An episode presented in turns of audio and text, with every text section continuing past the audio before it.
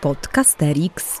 Dzień dobry, dzień dobry. Witamy wszystkich Państwa na początku naszego kolejnego 30-minutowego no, maksimum 30-minutowego odcinka, ale zobaczą Państwo, e, będzie ciekawie, a żeby pokazać Państwu, jak ciekawie być może, chcę e, Państwu, ale także moim kolegom obecnym tutaj w studiu, Jakubowi Lorencowi i Jackowi Staniszewskiemu, opowiedzieć historię pewnego francuskiego nauczyciela i zapytać się ich, czy chcieliby go naśladować.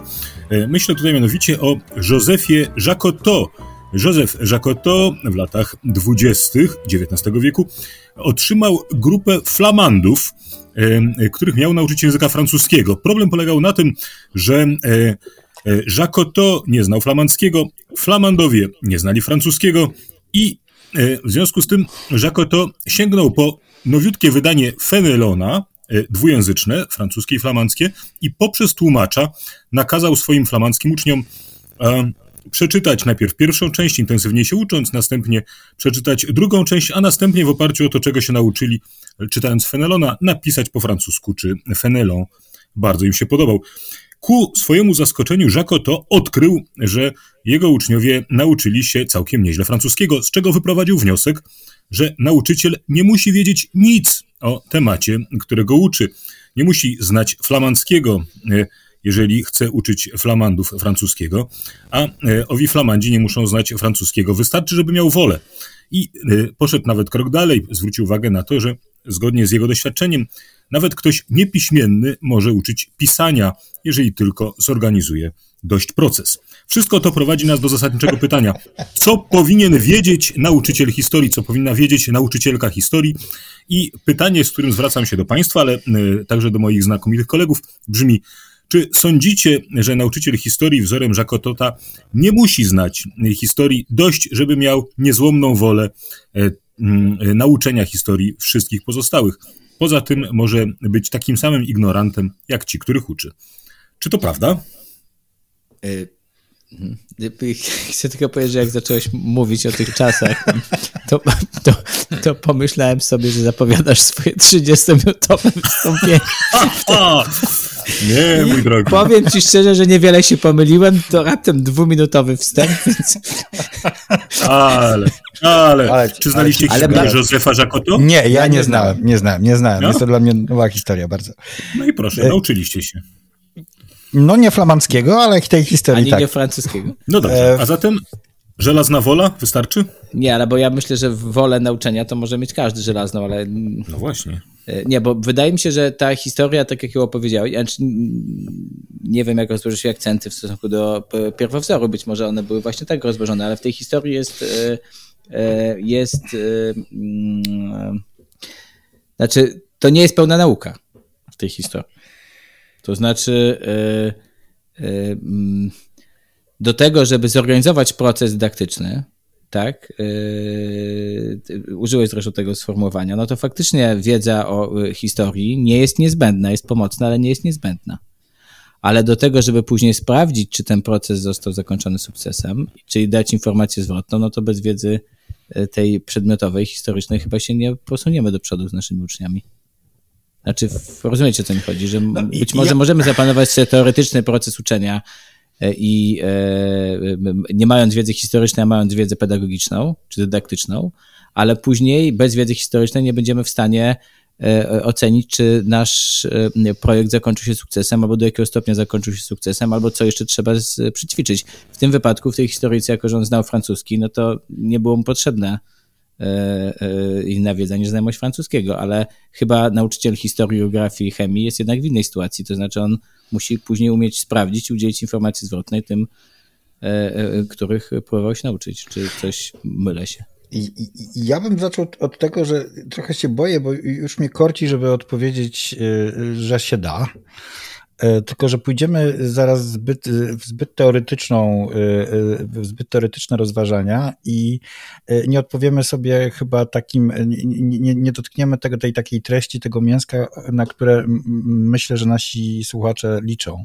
To znaczy, ja tak sobie, jakbym sobie zobaczył ten tytuł naszego podcastu, co nauczyciel historii powinien wiedzieć, zanim w ogóle zacznie uczyć, to chyba bym liczył na to, że trzech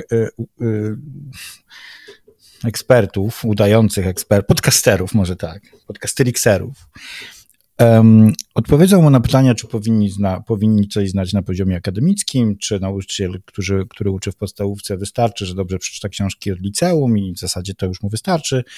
Ja, i, ja się spodziewam, że wśród, na, że wśród naszych słuchaczy są ludzie, którzy e, właśnie takiej, tak, takiej, e, takiej odpowiedzi się od nas spodziewają. Możemy spróbować na nią odpowiedzieć. A twoja urocza historia trochę sprowadza nas i podejmę tę rękawicę raczej do tego, czy w ogóle mm, na takim, na takim poziomie e, e, laboratoryjnym to jest w ogóle możliwe. Ja myślę, że to jest możliwe. Nie dalej jak dzisiaj miałem taką e, sytuację, kiedy podjąłem się nauki czegoś, o czym nie miałem zielonego pojęcia. E, ponieważ przyszła do mnie uczennica e, w liceum, która e, no niby rozszerza historię, ale to nie jest historia, która mają prowadzić do matury, więc sobie ustaliliśmy, że tam będziemy się trochę zajmować od czasu do czasu rzeczami, które, które ją bardzo interesują. On przychodzi naprawdę z różnymi pomysłami. I dzisiaj sobie pomyślała, że chciałaby porozmawiać o tym, co się działo w Japonii w XV i XVI wieku, bo akurat o XV i XVI wieku uczy się na podstawie, no, a tam wiadomo, co się dzieje, wielkie odkrycia i tak dalej, czyli ona by chciała wiedzieć, jak to wyglądało z punktu widzenia Japonii. No i ja się na tym zupełnie nie znam, nie wiem kompletnie nic, tak.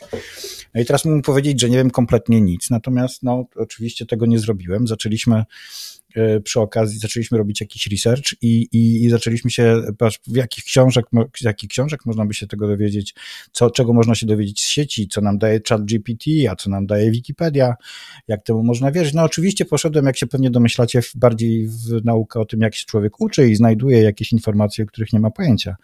No ale tak naprawdę zacząłem uczyć tak treściowo o czymś, o czym nie mam pojęcia. I z tego powodu, i, i myślę, że weszło nam coś naprawdę niezłego. To znaczy, myślę, że, że mógłbym wam jakiś mały wykładzik teraz o, o, Japonii w XV wieku e, wygłosić. Ale no. no. Nie, no bo wydaje mi się, że ten przykład jest odrobinę czymś innym, dlatego że e, znaczy Zgoda, że jak ktoś przeczyta tytuł naszego odcinka, to będzie myślał o tym, mm, jakby e, ilu władców i ile dat powinien e, znać nauczyciel historii, żeby tak się, uznać, Ale tak się zaczyna zwrócić uwagę artykuł od tego, na bazie którego rozmawiamy, prawda? To znaczy zaczyna się od sprawdzenia dat czytelnika. Mhm.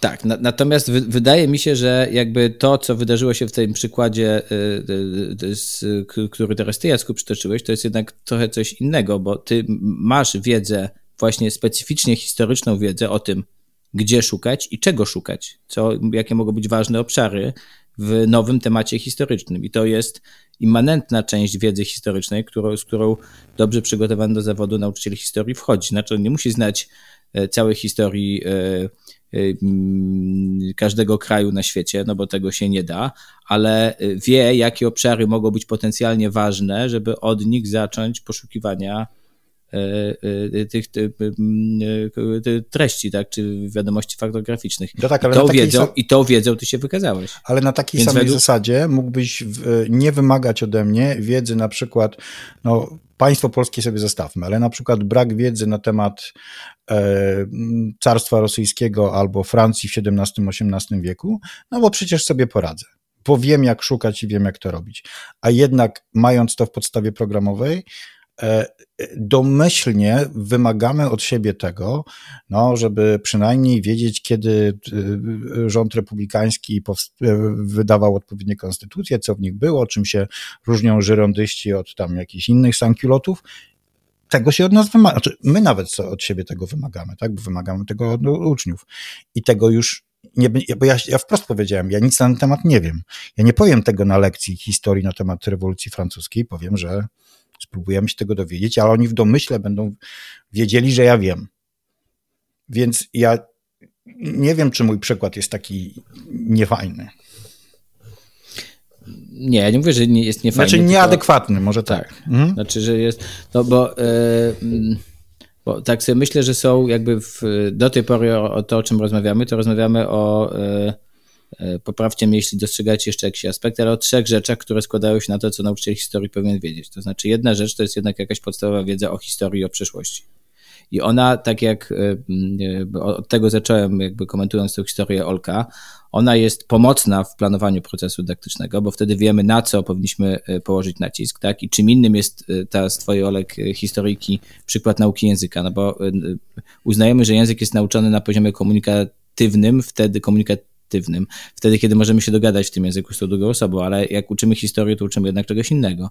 Wobec tego na tym najniższym poziomie e, ta wiedza, ten zasób faktograficzny jest nam potrzebny do tego, żeby wiedzieć, jakie cele chcemy osiągnąć ucząc historii, tak? bo to nie jest tylko komunikacja, tak? tylko są pewne cele, które mamy i żeby te cele dobrze wyznaczyć e, i e, i tak zorganizować proces dydaktyczny, żeby do tych celów dojść, musimy mieć to jednak wiedzę tą faktograficzną, tak, podstawową.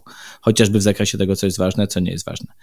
E, I, e, I to jest bardzo pomocne przy planowaniu procesu taktycznego. Nie mówię, że jest niezbędne, znaczy, wydaje mi się, że na poziomie takim szkoły podstawowej to nie jest niezbędna chyba wiedza.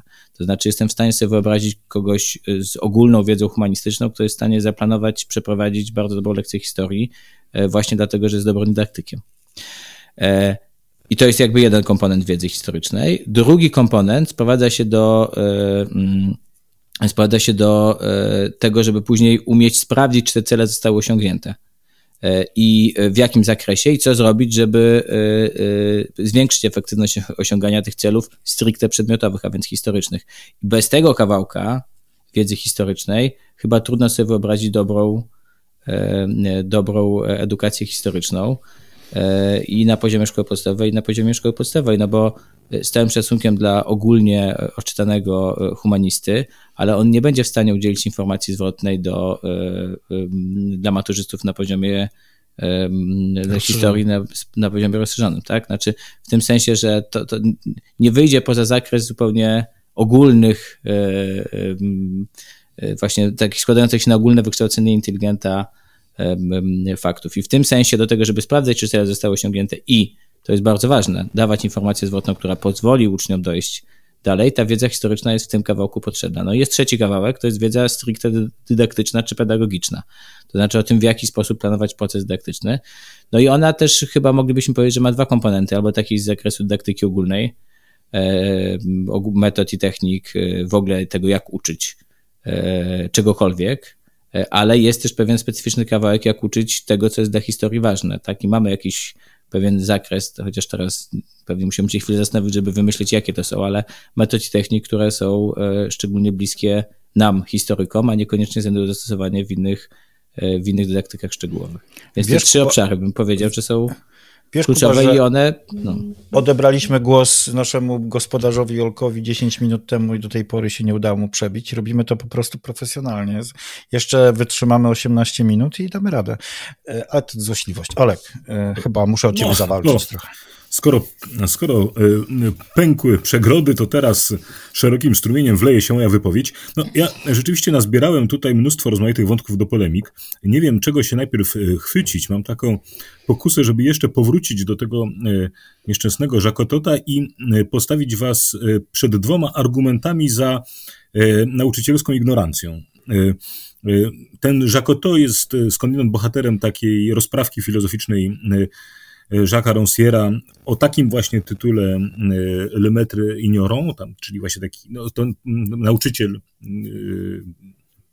ignorant, tak?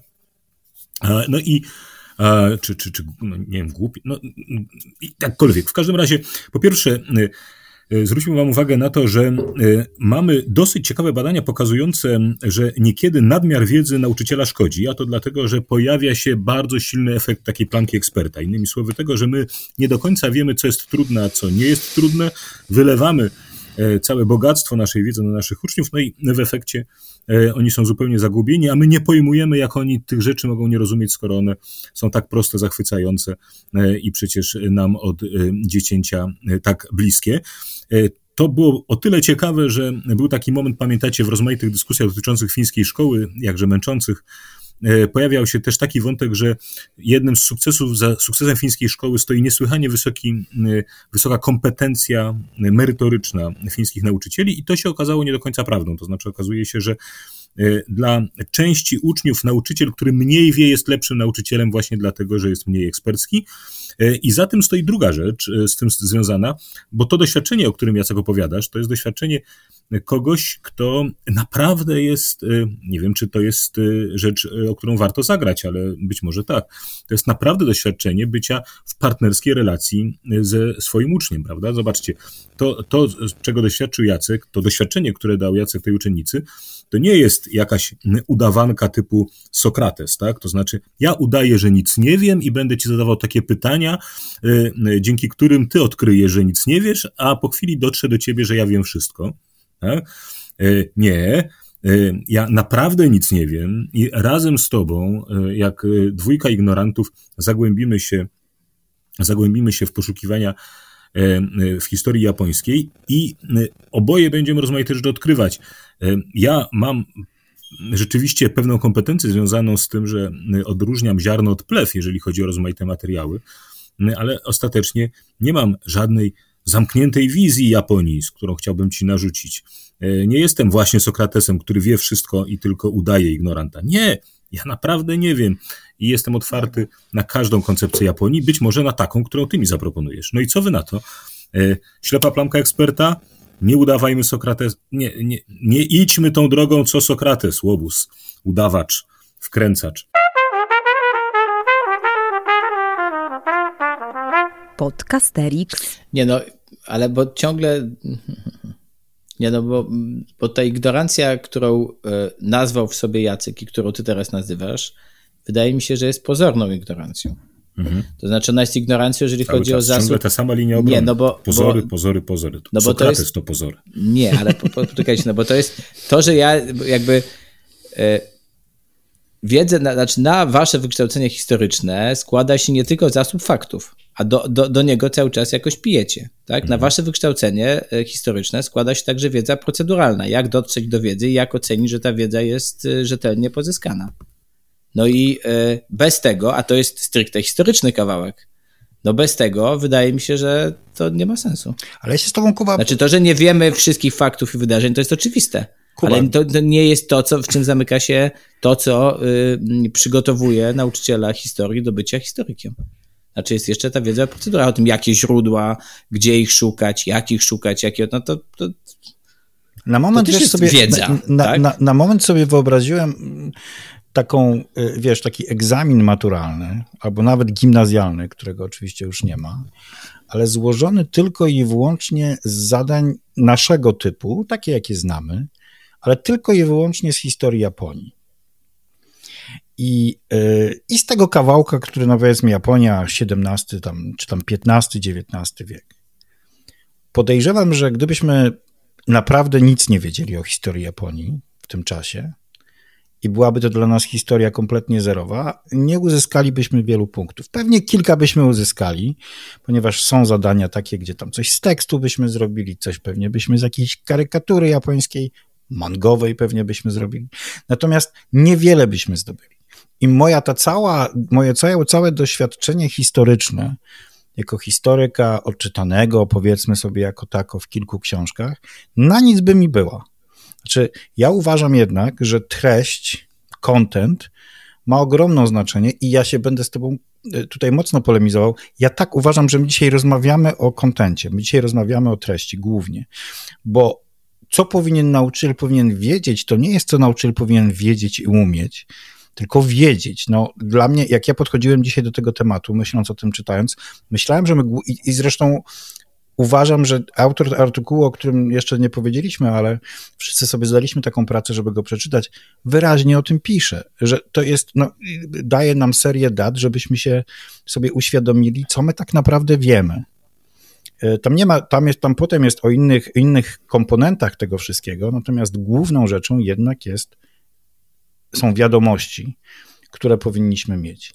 Ja jestem absolutnie w, w, w zespole, który, zresztą wiecie, jako dyrektor, ja się boję, yy, bardzo się boję różnych ludzi, którzy uczą na uniwersytetach i chcą przyjść do szkoły, żeby się trochę pobawić w szkołę z dziećmi.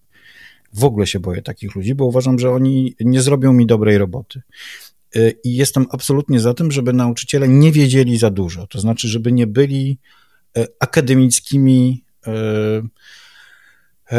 ludzi, takimi akademickimi mózgami albo takimi, które, które zna każda odpowiedź na jeden z dziesięciu, ponieważ oni mi zniszczą przedmiot. Więc... Ale jak, jakoś zapętliłeś się chyba, bo Może. Z, jednej, z jednej strony mówisz o tym, że bez wiedzy o Japonii nie zrobimy zadań kompetencyjnych z Japonii tak. i z tym pełna zgoda i dlatego ja podbijam to, że jednak do tego, żeby sprawdzić e, e, osiągnięte cele, musimy mieć e, no, jakiś zasób wiadomości, tak, faktograficznych, E, które pozwolą nam ocenić, czy osiągnęliśmy swoje cele. I on, te wiadomości są i ta wiedza, tak, jest też użyteczna przy wyznaczaniu tych celów. No, z drugiej strony mówisz, że boisz się tych, którzy wiedzą za dużo. Tak, ale ja nie mówię, ale ja nie mówię o tym, że y, chcę takich, którzy nie wiedzą nic. No akurat takim, y, takim człowiekiem nie jestem, bo y, tego bym się bał. Natomiast chciałbym ludzi, którzy mają świadomość tego, wiecie, w tym artykule uderzyła mnie jedna rzecz bardzo ważna. Przepraszam, że nie używam y, y, tytułu i autora, ale my go Chris dodamy, Husband jest autorem. Dodamy go w notatkach, właśnie. E, tam mnie uderzyła jedna bardzo ważna rzecz, że elementem takiego narzędziownika, do którego wchodzi nauczyciel do klasy, jest również wiedza o klasie i wiedza o możliwościach swoich dzieciaków, które uczy. I to jest moim zdaniem najważniejsze co ja wiem, to nie musi być dużo, ale przynajmniej taka refleksja, co ja wiem, czego nie wiem i co oni mogą wiedzieć, co muszą wiedzieć, a czego nie muszą wiedzieć. To jest dla mnie najistotniejsze. Natomiast jeżeli do mnie wejdzie jakiś mózgowiec, to powiem mu nie. Jeżeli do mnie wejdzie człowiek, który widać, że bardzo chce i umie uczyć i mówi, nauczę się tego, co jest mi potrzebne, to bardziej mu zaufam niż temu, który jest do, profesorem, doktorem habilitowanym z y, akurat, nie wiem, tam z jakiegoś konkretnego zagadnienia. Tak, ja okay, chyba. Ja, ja bym to, to, to, co, o czym y, Jacek teraz nam mówi, to być może y, zamknęłoby się w przeciwstawieniu takich dwóch rzeczy, y, i które być może są bardziej różne niż chcielibyśmy, niż chcielibyśmy to zauważać. I trochę parafrazując tytuły książek e, profesora Pomiana. E, czymś innym jest historia jako przedmiot wiedzy. Nie piję do tych książek, a jedynie korzystam z ich tytułów. Historia jako przedmiot wiedzy, a czymś innym jest historia jako przedmiot nauczania. To są dwie inne rzeczy. I w tym sensie można być rzeczywiście wybitnym historykiem akademickim i nie mieć pojęcia o historii jako przedmiocie nauczania, dlatego że to jest e, coś, co ma zupełnie inną strukturę. E, to jest coś, co wymaga być może e, nie tylko specyficznej wiedzy związanej z tym, z, dydaktyką, ale właśnie specjalnej wiedzy strukturalnej. Tam w tym tekście jest taka bardzo trafna uwaga, bardzo tak, takie ładne przejście, w którym autor powiada nam, nie chodzi o to, żeby nauczyciel czy nauczycielka historii e, znali wszystkie wydarzenia. Ważne jest, żeby umieli stworzyć mapę e, jakiegoś zjawiska, jakiegoś procesu, jakiegoś problemu, o którym będą uczyli dzieci. E, I ktoś, kto wie wszystko, a nie umie zbudować mapy czytelnej dla swoich dzieci, może nam zaoferować coś, co będzie po prostu wielkim pstrokatym malowidłem, z którego nic nikt nie będzie mógł odczytać. Natomiast ktoś, kto dobrze zna dzieci i dobrze zna dyscyplinę, jest w stanie stworzyć mapę dokładnie zgodną ze swoją intencją. To znaczy, będzie wiedział, że dzisiaj potrzeba mu mapy, na której e, będą takie i takie ścieżki, e, takie i takie miasta, albo takie i takie dane fizyczne i nic ponadto, bo jak powiada pismo, co nadto jest, od złego pochodzi. No. I ta mapa, e, którą potrafi kreślić e, nauczyciel czy nauczycielka historii, to jest mapa, której bardzo często nie potrafi nakreślić ktoś, kto pisze akademicki podręcznik Historia XIX wieku albo akademicki podręcznik e, Historia nowożytnej Polski. Ale jak rozumiem, ta mapa jest co najmniej użyteczna, a zapewne niezbędna, żeby uczyć przedmiotów. Tam, tam, tam tak, Olek wobec powiedział... tego jednak bez tej wiedzy przedmiotowej ani rusz. Tak, ale tam tak, Olek powiedział bardzo ważną rzecz, że on kreśli mapę na miarę uczniów, których ma. To znaczy, że za każdym razem, kiedy dochodzi do omawiania jakiegoś tematu, to ta mapa może być różna. Dlatego że on wie, że czasami, albo ona oczywiście, że, że czasami ma do czynienia z dzieciakami wybitnie zdolnymi i, i chcącymi się uczyć i może tutaj trochę tę mapę zrobić bardziej skomplikowaną, ale czasami jest tak, że ta mapa może być złożona tylko z dwóch punktów, z, z przyczyn i skutków i, i, nic więcej tam nie wejdzie. To jest bardzo ważne, żeby i, i, i to jest właśnie kwintesencja tego, czym jest nasz zawód, yy, czyli odpowiedniego doboru tego, tego, yy, no, tego, z czego zbudujemy ten szkielet, do którego wlejemy im tą wiedzę. No, tak mi się wydaje. I, i, I szybciej to zrobi ktoś, kto będzie miał taką bardziej krytyczną, krytyczny stosunek do tego, co wie. Będzie umiał powiedzieć, tego jest za dużo, tego jest za mało, tu muszę doczytać, ale z tego muszę zrezygnować. No ja dobrze, długo to, mógłbym o, to, o masferkach chyba... w, na, na, Zamku Malborskim rozmawiać, ale jeszcze nigdy mi się tego nie udało powiedzieć na żadnej lekcji, no bo to bez sensu. Za mało czasu, 40 Za mało czasu. No. Czyli jak rozumiem, tak żeby może jakoś podsumować to, o czym rozmawiamy, to są, poprawcie mnie, jeśli nadinterpretowuję, ale trzy obszary. Znaczy pierwszy obszar to jest jednak ta wiedza przedmiotowa, historyczna, ale rozumiana jako mapa, a nie szczególarstwo. Tak? To znaczy umiejętność tworzenia mapy na miarę potrzeb uczniów. Drugi, o, o, Olo coś kręci nosem, I, że nadin... Nie, nie, nie kręcę, tylko tu wbrew trochę y, tej, tej szarży, którą przeprowadzam na początku, chcę jednak powiedzieć, że żeby zbudować tę mapę, trzeba jednak naprawdę sporo wiedzieć. No dobrze, no to pierwsza no rzecz to jest ta tak, mapa, tak, ale, ale wa- przy czym ważniejsza jest, jak rozumiem... kreślenia map. Tak, jak rozumiem, ważniejsza jest to umiejętność kreślenia map niż yy, yy, dokładna yy, informacja na temat długości rzek i wysokości gór, które na nie się znajdują. Druga rzecz to jest wiedza pedagogiczna, czyli o tym, jak uczyć, tak? I w jaki sposób zaplanować uczenie. No a trzecia rzecz, którą to Jacek bardzo słusznie wyciągnął i zaakcentował, która była bardzo mocnie w tym artykule Hasbensa zaznaczona, to jest wiedza o uczniach tak? Czy tak. musimy wiedzieć, kogo uczymy. Także uczymy nie podręcznika, nie podstawy programowej, nie treści, tylko uczymy uczniów i uczennice. Tak, ja bym jeszcze y, y, zgłosił jedną uwagę i zadał wam jeszcze jedno pytanie, Jerzy, bo ty ładnie już zamykałeś, ale ja patrzę... A jeszcze mam puentę ładniejszą. Mam, a, no to, to czekaj z tą puentą, a ja zadam jeszcze wam pytanie, y, ryzykując, że otwieram... Będzie ładniejsza niż Kuby. Otwieram mazwerkowe okienko jakieś.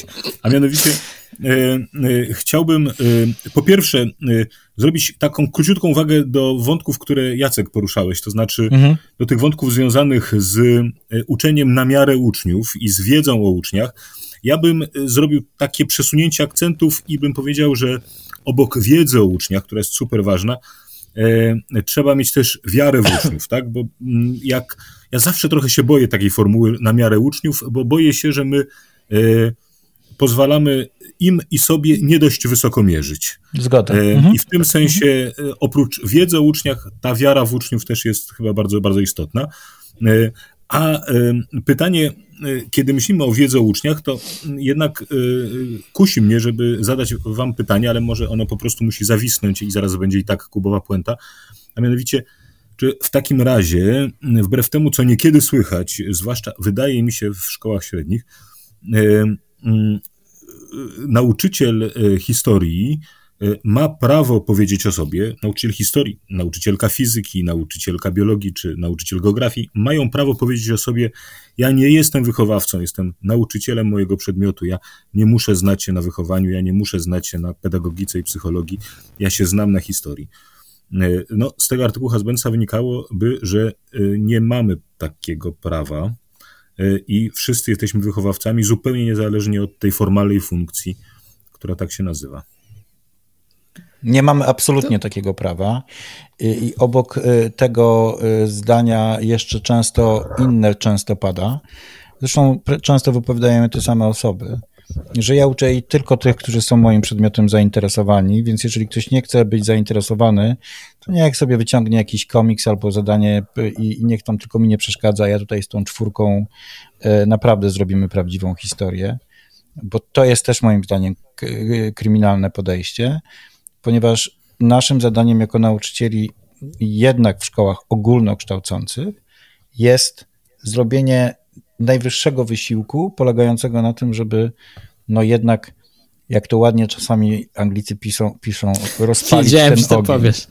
Troszeczkę chociaż, no po prostu rozpalić. Jak nam się nie uda, to nam się No. nie uda, no. To słuchajcie, ja, ja bym w takim razie puentował, bo wydaje mi się, że ta historyjka, od której Olek zacząłeś, bardzo pięknie nas prowadziła w, yy, w A tematykę. narzekał, ale... że długa, ha? Nie, no długa, ale pięknie wprowadziła, tym bardziej, że y, wydaje mi się, że ona Masz e, minutę. jakby mimo wszystko nie ujmuje i, i, i idealnie naszego tematu, ale pokazuje i rozterek związanych. Dobrze nie wprowadza, ale nie ujmuje chyba idealnie, natomiast dobrze pokazuje rzecz związaną z tą wiarą w uczniów. To znaczy z niej wynika jasno, że nie musimy mieć wspólnego języka z uczniami, żeby ich czegoś nauczyć. Więc nie bójmy się tego, że oni żyją w innym świecie. Nie dawajmy się poddać temu, że oni mówią innym językiem niż my, bo i tak możemy odnieść sukces. I o tym jest ta historia, od której zacząłeś. Hmm. Piękny. A toś, no dał nam do myślenia, panie. To chyba rozstaniemy się już w ten sposób. Nie wiem, czy, czy w tej sytuacji, gdybym był naszym słuchaczem lub słuchaczką i w tym momencie naszego podcastu dojechałbym do szkoły, to bym zawrócił do domu, żeby raz jeszcze przejechać ten odcinek i przemyśleć dobrze to, co powiedział. Na szczęście ten Myślałem, sam że- nauczyciel będzie musiał wrócić z tej, z tej pracy, więc wtedy Tak, niech sobie posłucha. I niech nie Tak. włącza, broń Boże, innego podcastu. Niech posłucha nas jeszcze raz, tylko żeby nie od tyłu, tylko jeszcze raz od początku. To był Podcasterix. Wysłuchali Państwo kolejnego odcinka podcastu Trzech Nauczycieli Historii, którzy lubią sobie pogadać o swojej pracy, bo ją po prostu uwielbiają. Tych trzech jegomości to Kuba z charakterystycznym R, Olek z charakterystycznym głosem i Jacek, który czuwał nad nagraniem i montażem. Podcast przygotowano dzięki wsparciu Szkoły Edukacji Polsko-Amerykańskiej Fundacji Wolności i Uniwersytetu Warszawskiego, w której cała trójka pracuje. Więcej informacji na stronie szkolaedukacji.pl. W czołówce wykorzystano dźwięki na wolnych licencjach, a głosu użyczyłam ja, czyli Adriana Bąkowska. Zapraszamy na kolejny odcinek.